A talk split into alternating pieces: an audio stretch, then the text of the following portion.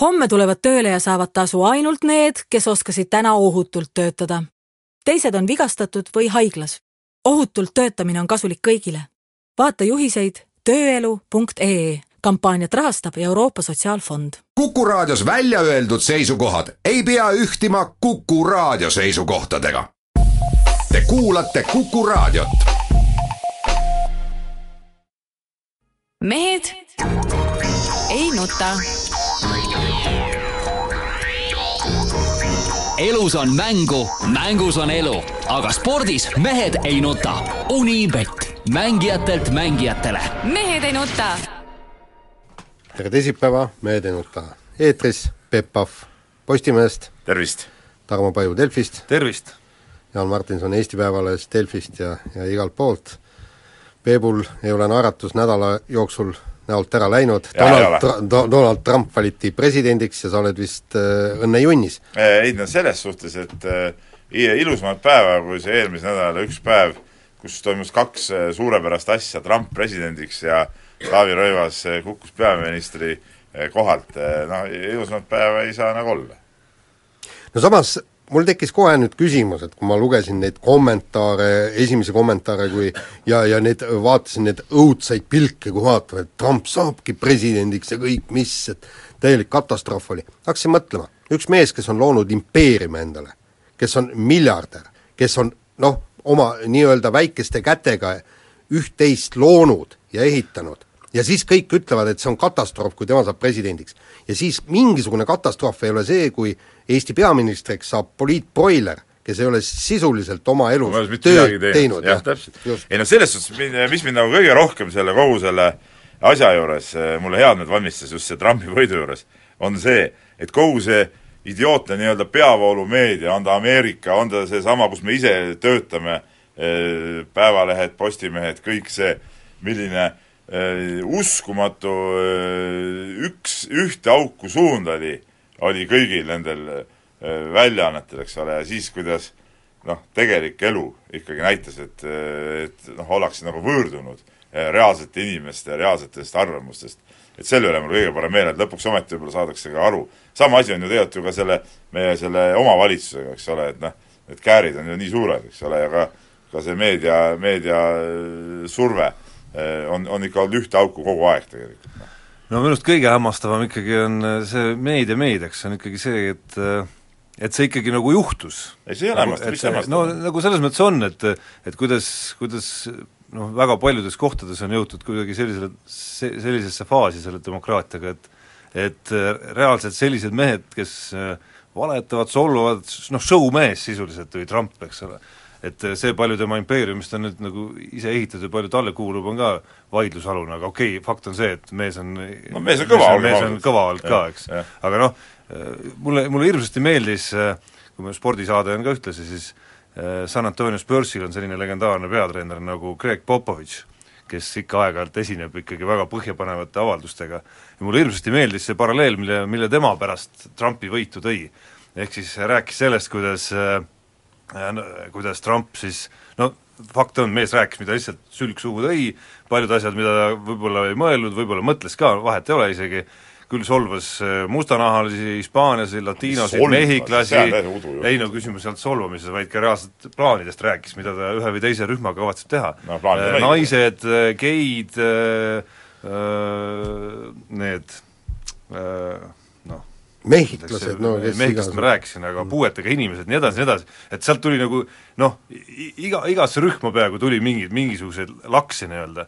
ja, ja Popovitš jube hästi ütles, et noh, et see oli selline nagu kaheksanda klassi nagu kiusaja tase, eks ole, ja ütleme, kui su laps niisuguseid asju nagu räägiks, siis sa üritaksid selgitada talle, et nagu noh, et ole ikka mõistlik ja nii edasi, nii edasi, aga nüüd valiti niisugune vend president. no aga vastaskandidaat on veel hullem, näe ja veel hullem no, kogu see, kogu see valitsev klann on ju nii palju, nii palju seda kuradi hullust ja kuradi käkki teinud normaalse inimese silmis. et siis ongi, siis pannaksegi need, need niisugused eh, showmehed ja see ongi, ja see on paras nendele kuradi praegustele valitsejatele, jumal tänatud! Ja, ja tuleks Eestis ka kõik need radikaalid korraks võimule, näeksid kõik need, need eh, reformarid ja need enesenaba imetlejad, tead, nagu on kõik need nii-öelda see pea, peavoolu kuradi äh, poliitikud ja, ja ei ole tähtsad kujud, näeks just ära, et tegelikult tegelikult ei ole mitte essugi väärt, noh tegelikult te olete küünemust ainult olete tegelikult, noh, nii ongi noh ja see, seal on just tähtis, et, et tõesti Eestis võib-olla hakatakse ka tulevikus valima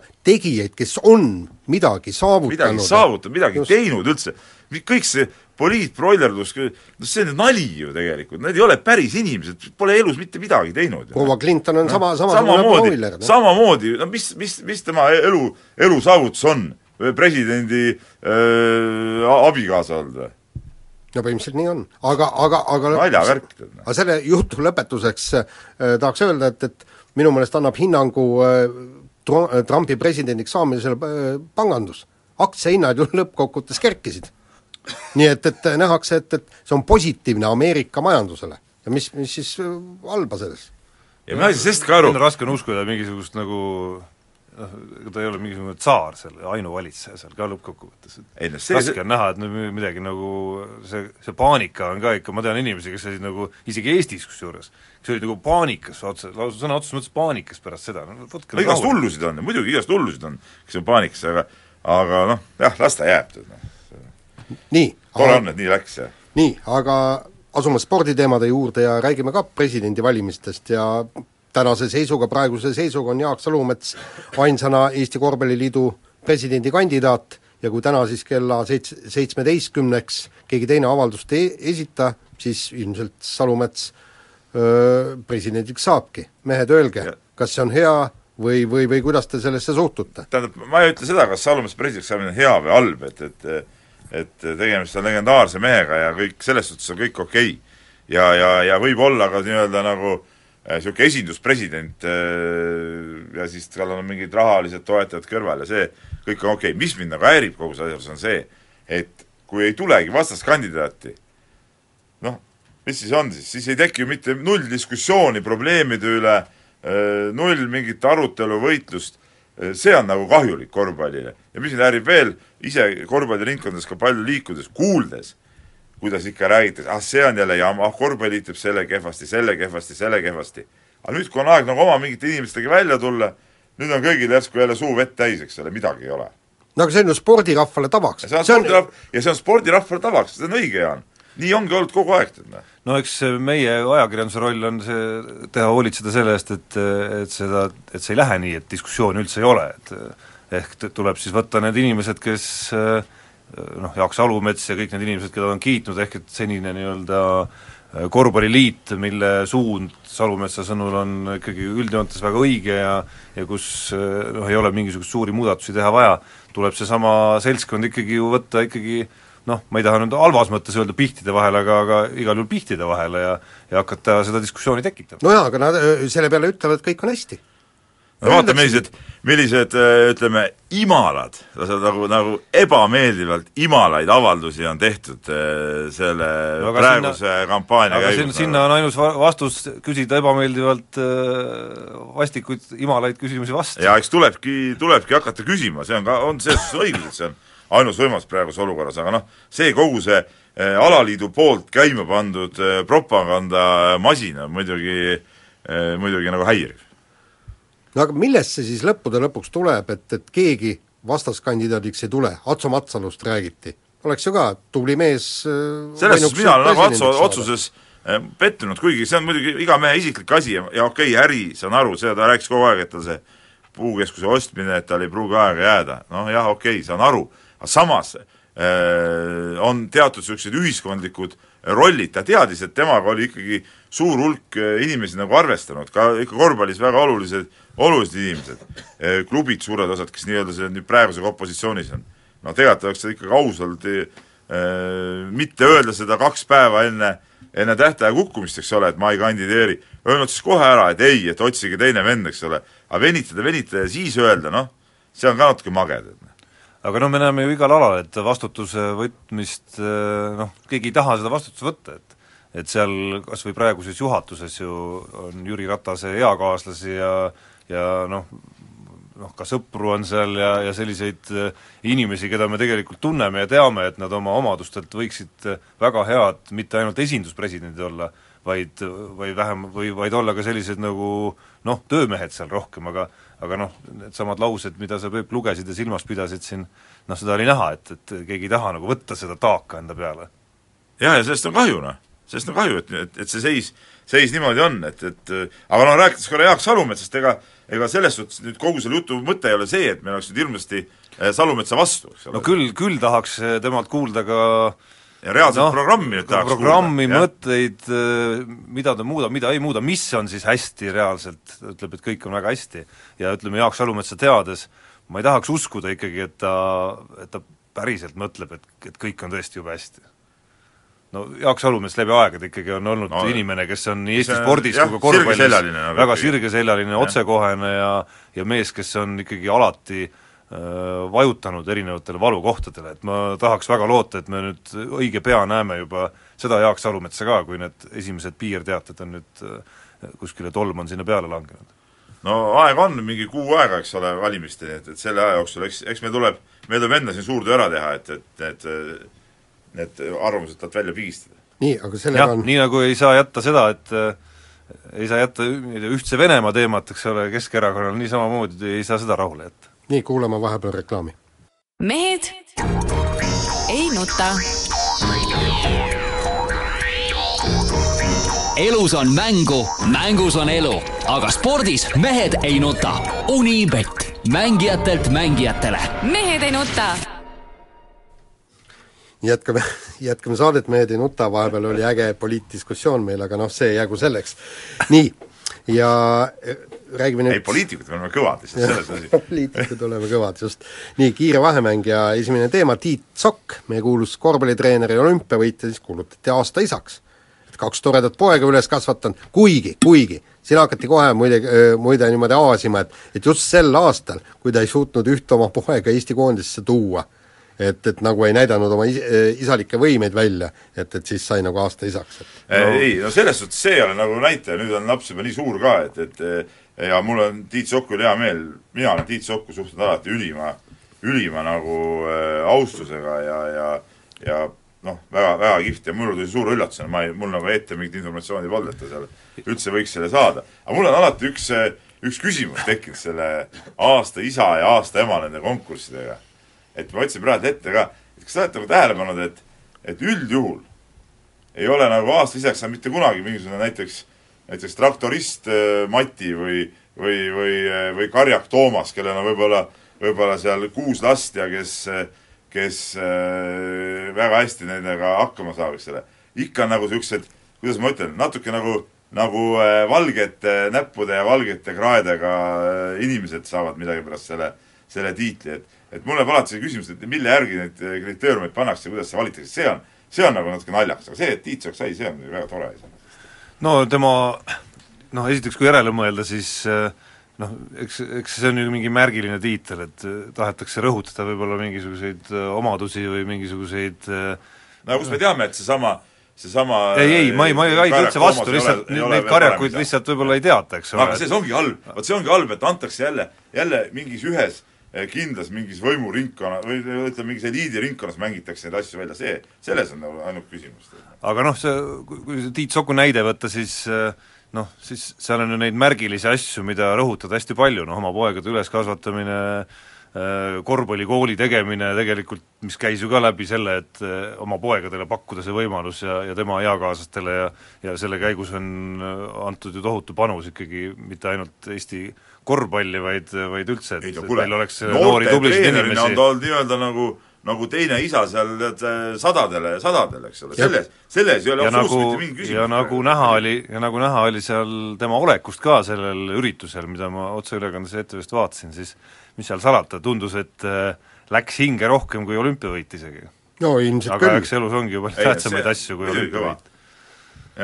nii, vahetame teemat, aga jääme korvpalli juurde Eestis dopinguga vahele jäänud Läti korvpallur Krister Seidaks eirab karistust ja mängib USA üliõpilasliigas ja kui ma lugesin seda uudist, mul jäi ausalt öeldes ikkagi päris segaseks, mismoodi see võimalik ikkagi on, et kuskil on mingi üliõpilasliiga aga see on ka mingi nalja üli-, üliõpilasliiga no, ju? noh, ta on nagu reaalne liiga ikkagi yeah. ja kui ma õigesti mäletan, siis ka meie Eesti korvpallurid, hiljem isegi koondises mänginud korvpallurid on selles liigas mänginud, Leho Kraav näiteks. et, et see ei ole mingisugune, ma ei tea, mis see meil on siin Eestis siin, ma ei tea, amatöörliiga, Tallinnas Mall. mängitakse malli näiteks, ei ole see liiga, et see on ikka päris liiga, päris ülikoolid mängivad seal. Ei no jaa, aga am- ameeriklastel on ju üldse see suhe dopinguga on, on nagu on ja guugeldada ei oska või? ei, ei no mis mõttes guugeldada, mi-, mi- miks neid peaks häirima see, et mingisugune öö, lätlane on kuskil jäänud mingisuguse öö, dopinguga vahele? Neil on vaja mängumeest ja, ja võtavad selle mängumehe, lasevad kahe otsaga on see asi tegelikult. okei okay,, ma saan aru jaa, et, et et peab olema printsipiaalne ja, ja kõik ja see on tore, aga teisalt jälle, no mis see, mis see meid nagu torgib, et ta seal mängib, näe mis siis ei no no, ja ma ütlen, no mis siis, ma ütlen. Peep, see on nagu teise, see on nagu teise küsimus. süsteemi asi, ei, mis teise Teise süsteemi, maailma asi. korvpall, maailma Maailm- sport on üks süsteem. Jah, kas aga mi-, mina ei näe siin, mina ei oleks seda teemat üles tõmmanud ausalt öeldes. ei no aga. Pe-, ei no aga Peep, kas teistel aladel võib ka, tähendab ühesõnaga dopinguga vahele jäänud suusataja võib Ameerikasse suusata minna, Ameerikas, Kanadas, või jalgpallur minna no seal on- jalgpalliliigasse no mängima kui see on mingi marginaalse, mingi regionaalne mingisugune liiga, no mis las ta mängib seal, mis vahet seal on? tegelikult. ta kuskil ju, ütleme siin ju rahvusvahelisel areenil, ta ei saa ju areenile tulla, no see on nagu selge. ja kergejõustiklased võivad ka niisuguseid väiksemaid maratone võivad Ei, joosta, no- aga noh, suure, suure maratoni mitte. no rahvamaraton võib nagunii joosta, kui ma olen dopingu vahel, kas ma tohin siia rahvamaratonile minna, ikka tohin. ma ei ole kindel selles. ma ei ole ka kindel selles, miks neid rahvussportlasi ka vahel siis testitakse. Ikka selleks, et kui nad rikuvad reegleid, siis karistada neid. noh, põhimõtteliselt jääd vahele, siis jääd vahele ja kõik, kaks aastat oled eh, spordist eemal, punkt. nii, aga no igast totrusi toimub ka Eestimaal ja Nõmme Kalju eh, jalgpallimeeskonna siis nii-öelda duubelmeeskond langeb eh, esiliigast aste madalamale, kuna kasutas üleminekumängus põhirivistuse meest Hendrik Pürgi, kes siis oli nagu piisav, noh, nagu rohkem mänginud põhirivistuses, kui sellises mängus mängimiseks oli lubatud. no mul isiklikult selle üle on väga hea meel, sest minu noor reporter Siim Kaasik, kes eh, mängib eh, selles võistkonnas, kes nendega kohtus, lõi muuseas seal ka värava, viis kaks-üks, siis eh, selle, noh, ma ei suuda nüüd öelda seda Tartu meeskonna nime, kellega nad mängisid. ühesõnaga Tartu, tartlased. tartlased, no Tartu värk. viisid kaks-üks ette, nad küll kaks-kolm kaotasid selle mängu, aga tema saab nüüd esiliigasse, et noh, minu toimetuse mees, olen rahul. tore on, et Nõmme Kaljus on niisugused, niisugused tuhajuhanid. ma ei tea, ma täna hommikul lugesin seda, mõtlesin, Tartu JK Velko, Velko, jah. selline äge Jah. nimi on, aga lugesin seda ja mõtlesin, muuseas üldse meie Postimehega tihedalt seotud, Kadi Parts on muuseas seal üks peaasjaajaid minu, ka teine noor reporter. et niisugune äh, tunne ei huvita, äkki nad tahtsid meelega kukkuda aste madalamale, et see tundub ju täiesti jabur eksimus. jälle, taaskord, kuigi neid juhtub kogu aeg. Kaljul pole korra niisugust asja juhtunud juba? ja just, et, et ei ole, et tuleb üleminekumäng, mõtleme, oh, võtame põhisatsist nüüd selle venna ka appi endale. Aga kuskil on ju mingid äh, eeskirjad, kuskil on ju mingi liiga juhend, kuule, kuule, kas sa panid aga sa tähele, arvad, et keegi on mingit juhendit kunagi lugenud või? sa ei loe nende noorte liigade juhendeid, kus sa korvpall, mängid? ei. kursis oled ometi? ma vaatan ainult seda, et mismoodi võistlussüsteem on. muu mind küll ei huvita see. nii, kuule, selle, sellega jutuajamised seks korraks läbi ja kuulame siis jääme uudiseid. ootama, Peep, anna igaks juhuks see juhend kas või mulle, ma loen läbi igaks juhuks, et siis saan aidata sind. mehed ei nuta. Elus on mängu, mängus on elu, aga spordis mehed ei nuta. Unibet, mängijatelt mängijatele mehed ei nuta. jätkame saadet, Peep Pahv, Tarmo Paju, Jaan Martinson. Peep, kirju on sul meeletult kirju palju palju on muidugi selle jalgpalliga seoses, me nagu mõned, mõned niisugused nüansid eh, toome siit välja, meie jalgpalli teema tuleb iseenesest arutlusele siin neljandas ehk viimases teemaplokis, seal me lööme ka selle asja muidugi piuks ja põrmuks, aga siin on nagu huvitav, huvitav äh, statistika on ühes kirjas välja toodud, et näiteks Eesti jalgpalli äh, noortekoondised ei suutnud kahe tuhande kuueteistkümnendal aastal oma, oma vanuseklassi EM valikmängudes võita ühte, võtta ühtegi võitu ega viiki. kümme kaotust ning väravate vahe neli kolmkümmend seitse, väga, väga ilmekas, ilmekas näide, eks ole. Ja kui lisada ju- juurde siia kõik noortekoondiste mängud, noh, mis ei ole ka valikmängud, siis kolmekümne kaheksast mängust võideti kolm, lisaks mõned viigid eh, ja need ka endiste liiduvabariikide eh, vastu, et siin noh, eks, eks see näitabki ära paljuski ka meie selle jalgpalliprobleemide tagamaad, et kui noor, noorte hulgas ka midagi ei tule, no siis ongi nagu raske loota, et, et meestekoondis teeks tegusid, kui on vaja mingeid põlvkondi vahetada, mida iganes. kusjuures eh, need noored, kes siin eh, jätkuvalt ketukaid saavad ja kui me tõesti neid seise vaataks, siis need oleksid ju ka null viis, null seitse ja nii edasi, nii edasi. Et need on ju need, kes, mehed, kes peavad nüüd eh, praeguse põlvkonna varsti välja vahetama. mille pealt nad tulevad?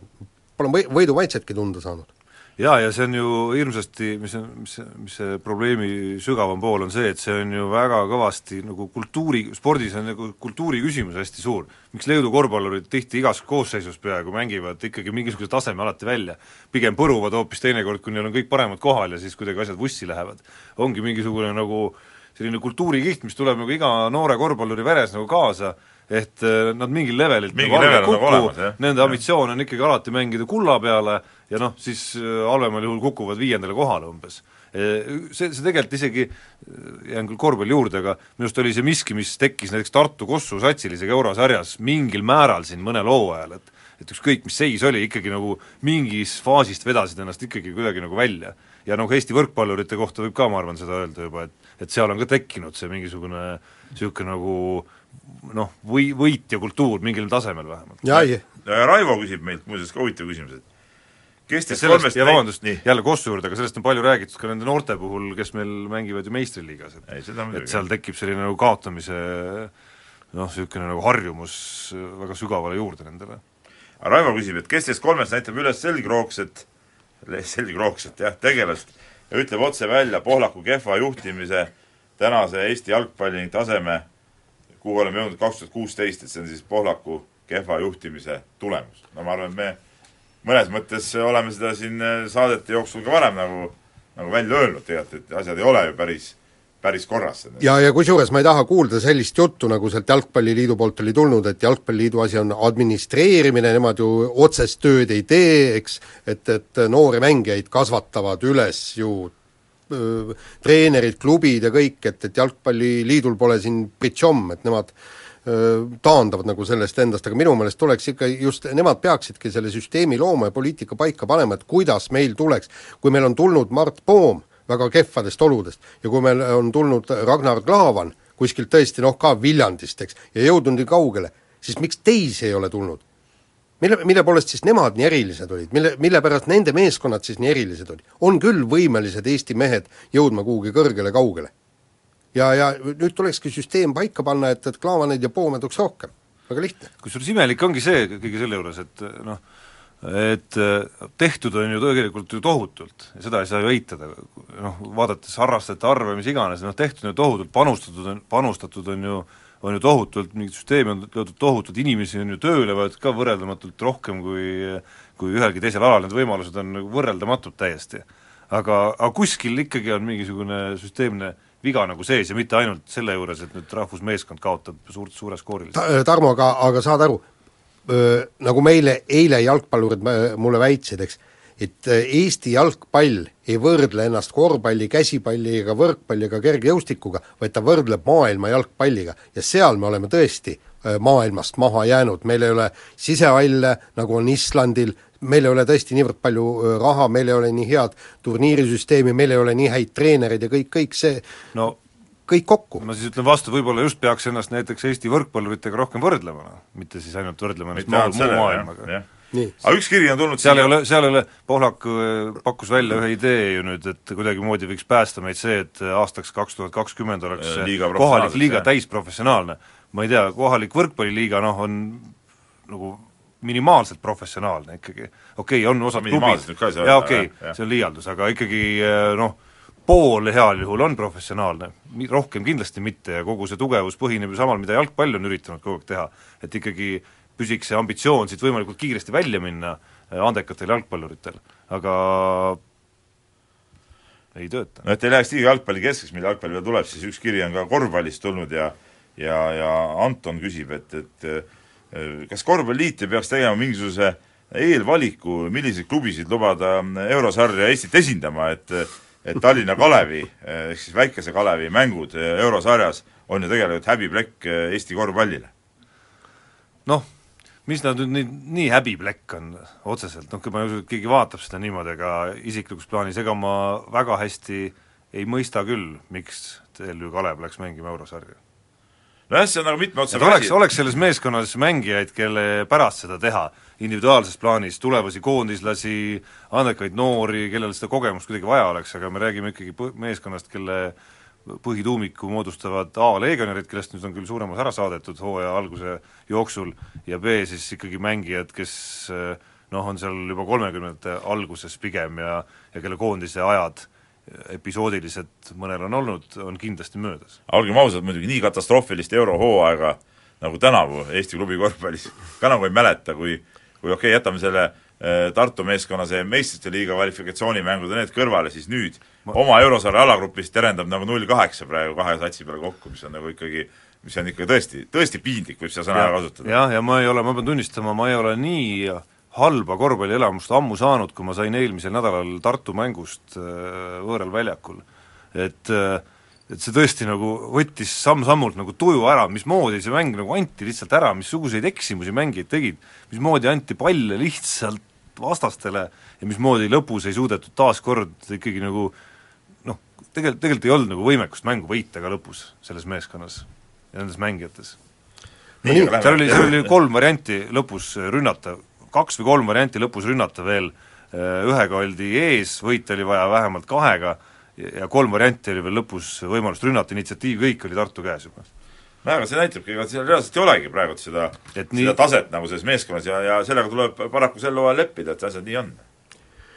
no nii, oleme nüüd kirjade rubriigi ja. väga pikaks venitanud ja, ja äh, räägime nüüd muust ka natukene. Ja viimasel ajal on äh, Eesti spordialaliidud äh, süüdistanud väga kõvasti Eesti Olümpiakomiteed erinevatel põhjustel, just see, et, et EOK ei anna enam seda raha, mis ta on varem andnud, näiteks noh, Maadlusliit ja Judoliit loobusid peatreeneritest, kuna EOK ei maksa neile peatreeneri palkasid kinni. ja sama oli ka kergejõustiku probleem, kuna äh, EOK võttis palgalt maha siis äh, kuus olümpial käinud kergejõustiklast ja, ja põhjendas seda sellega, et neil ei ole võimalik tõusta järgmisele ehk B-tasemele, ehk siis äh, olümpial või maailmameistrivõistlustel kümne või kaheksa sekka pääseda. et minul tekib küsimus, kas, kas alaliit ikka ei peaks ise nagu muretsema oma peatreenerite eest ja oma stipendiumite no eest? mul on äh, selles suhtes, Jaan, ma arvan, mulle tundub, et me, ma praegu nagu hirmuga natuke kuulasin, mis sa rääkima hakkad, aga tundub, et me oleme ühes paadis, et minu arust siin nagu nuriseda millegi üle siin küll praegu ei ole. et tegelikult on küsimus selles, et et kui sul on, kui EOK-l on raha hulk, ütleme see kindel, eks ole, siis loomulikult on mõttekas jagada seda raha A nendele, kes on tipus, et nad seal püsiksid, B nendele, kelles nähakse reaalset võimalust see tippu tõusta. on olemas mingi niisugune mass niisuguseid tublisid sportlasi, eks ole, kes tõesti on võimelised tegema olümpiamängudel ja maailmameistrivõistlusel, saama seal kohti äh, alates ma ei tea, kuusteist kuni kolmkümmend, eks ole. see kõik on tore, aga kas need peaksid olema riigipalgal, ei, see on nagu nüüd juba alaliidu enda asi, et neil oleks need niisugused sportlased olemas, mis tagaks selle ala nagu, nagu laiapõhjalisuse. ja, ja alaliit ei saa loota ainult, ainult EOK-st tulev rahale, et siin ikkagi tuleb paratamatult neid neid toetajaid leida, toetajaid leidmine on muidugi üliraske ja praegu iga, iga, iga kuuga või iga aastaga läheb see aina, aina raskemaks, see on ka selge. aga, aga noh, ega, ega kõike EOK, kõikide sportlaste ja treenerite palkasid ka maksta ei saa, see on ka selge. no et puust ja punaseks teha korra kuulajatele, siis peateema on ju selles, kuidas ütleme siis madalama toetuse sportlaste osas on EOK jätnud ikkagi nüüd väga palju nagu sellist subjektiivsust mängu, eks aga selleks on see tipp ehk siis, ehk siis on ikkagi, jah, on ikkagi nagu inimesed, kes otsustavad, mitte ei otsustata mingisuguste konkreetsete tulemuste järgi, mille järgi kannatavad siis niisugused kolmekümnele lähenevad või juba ületanud sportlased, kes võib-olla jah, nagu sa ütlesid, suudavad äh, saada, ma ei tea, üheksandaid või kaheteistkümnendaid kohti suurvõistlustel. ja kusjuures teine asi, mis ja, ära... ja eelistatakse siis noori pigem mm. -hmm ja teine asi, mis ära unustatakse selle peatreenerite puhul, on see, et EOK ju maksab hoopis kinni isiklike treenerite töötasu. ja mis on õigem. ja mis on, mis on ka märgatavalt õigem ja, ja tegelikult noh, siin paljud alaliidud on, hoiavad oma suud väga kinni selle peatreeneri koha pealt, kuna nad saavad tegelikult kogusummas raha rohkem. oluliselt rohkem ja, jah, just jah, ja, ja see, et, et kas on peatreenerit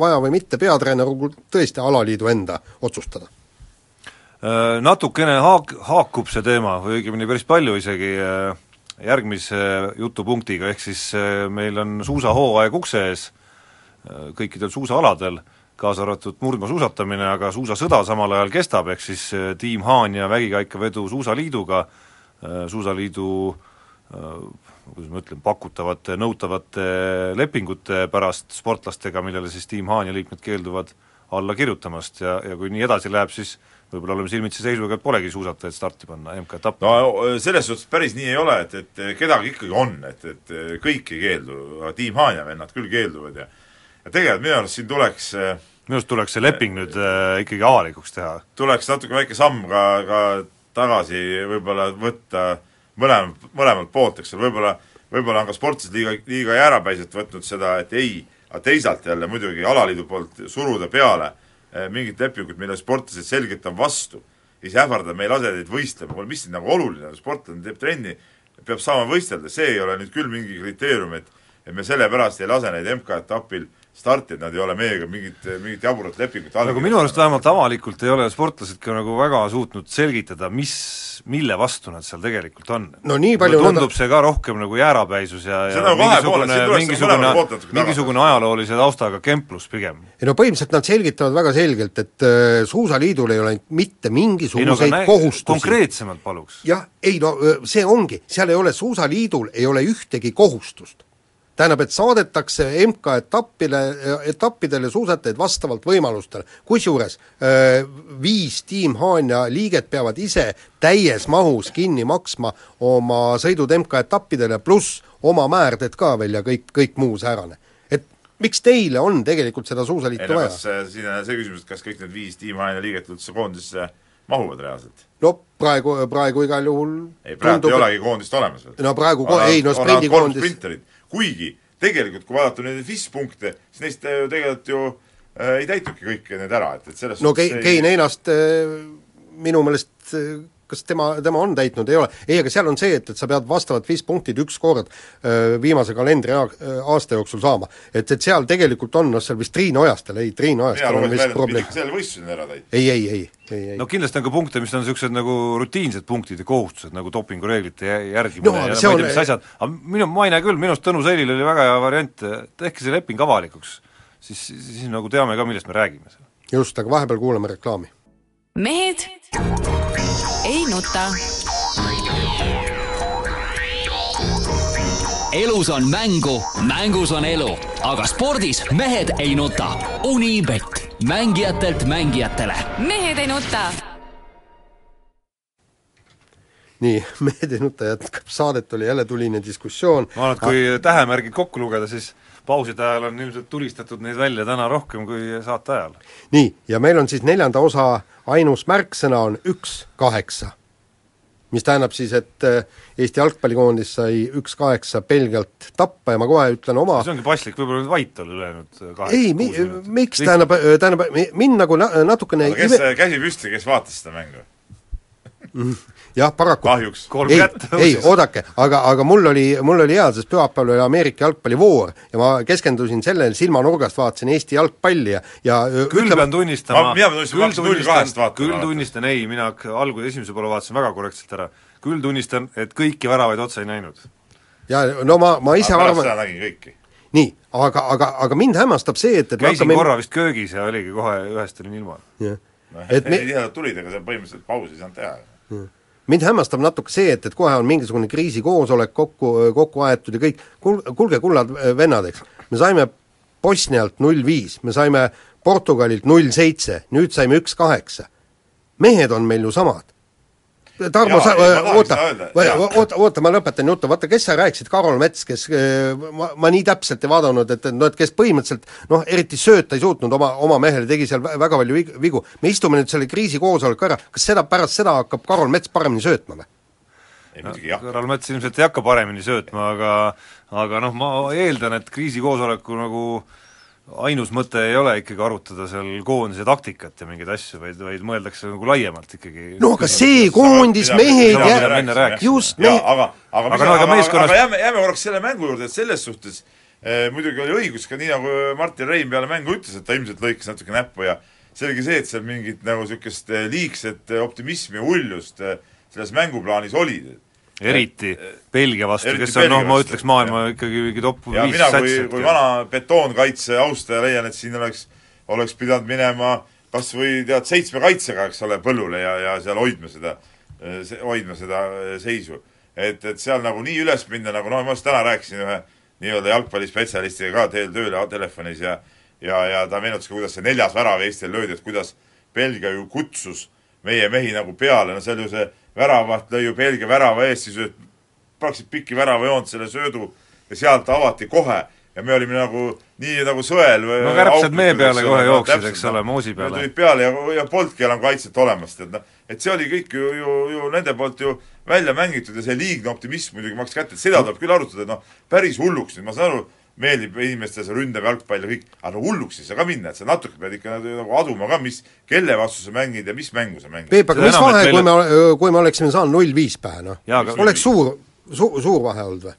no ikka on, ei kusjuures ongi minu arust vahe, et äh, et noh, seda enam, et ega meil ei ole selle kaitsega nüüd viimasel ajal ka umbkaitses olles nüüd nagu väga hästi need asjad olnud, et enne tuleks see pool nagu korda saada ja siis minna hirmsasti rohkem ründama. mulle kõige rohkem nendest äh, järelkommentaaridest meeldib, mul nüüd on väljaanded sassis, kus ma seda täna lugesin, äkki oli Postimees, Marek Lemsalu äh, lause, aga võib-olla ei olnud ka. Lemsalu laused olid meil küll. just, kus ta rääkis ikkagi, et äh, ütleme, hiljemalt seisul, kus kolm on ära löödud, oleks pidanud ikkagi nagu selgelt muutma seda taktikat ja ja võtma selle sihi, et okei okay,, nüüd me rohkem ei lase.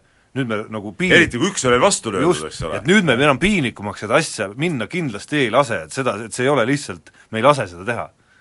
Aga noh, aga pigem läks asi hullemaks. pigem ongi küsimus on selles, et eh, mis praegusel koondisel jääb eh, kõvasti puudu, minu arust ka see mentaalne või vaimne pool, et seal see eh, okei okay,, seal võib-olla see kolm-ühe peal suudeti see poolaega normaalselt lõpuni mängida, aga kui tuli veel see neljas, no siis oli juba vaimne rahunemine nagu täielik. no Portugali vastu oli see sama ja sama asi, eks ole, lõi välja.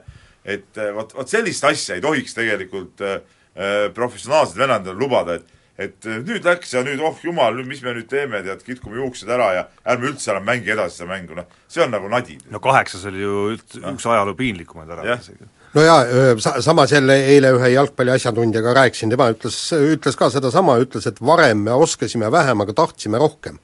Nüüd noh, oskused kas on nüüd paremaks läinud või midagi, aga, aga seda tahtmist seal väljakul enam ei ole. muide, ja, ja teine asi oli, üks mees just küsiski, et kuulge, et et kas äh, meie Kostja Vassiljev üldse oli väljakul ja siis, et ta, ta pidi mä- pärast mängu vaatama galerii läbi, ütles, näed jah, vend jooksis väljakul, et ta põhimõtteliselt silma nagu ei jäänud, eks ju. no ütleme, selles mängus äh, noh, sellistes mängudes on tal ka raske silma paista, aga olgem ausad, et ühe briljantse söödu andis, millest oleks pidanud värav tulema, siiski. aga see, küll. see olukord, kus seda väravat, ma saan aru, sa mõtled seda olukorda, kus üks, ühel oli seal noh, ka see iseloomustas väga selgelt muidugi seda meie hetke olukorda, eks ole, et seda, kus ei suudetud absoluutselt seda ei palli töödelda, ei mingit normaalset lööki kõmmida kuskile taevasse, tead noh, see see iseloomustab seda, aga, aga ma ütlen veel, et et ega meil midagi teha ei ole, on need vennad, kes on, ega meil praegu mingid paremad meil kuskilt peale ei tule, et nüüd on, põhiküsimus on ikkagi treeneritele see, et nad peavad leidma selle psühholoogilise võtme, et see meeskond ei kukuks vaimselt kokku.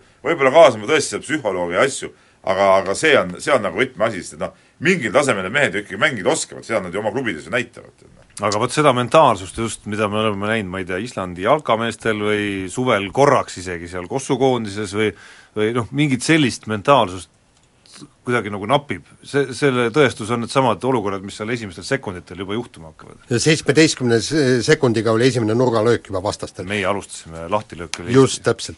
nii, aga sellega on meie saade läbi, kuulake meid nädala pärast ja nautige talve. mehed ei nuta. elus on mängu, mängus on elu, aga spordis mehed ei nuta.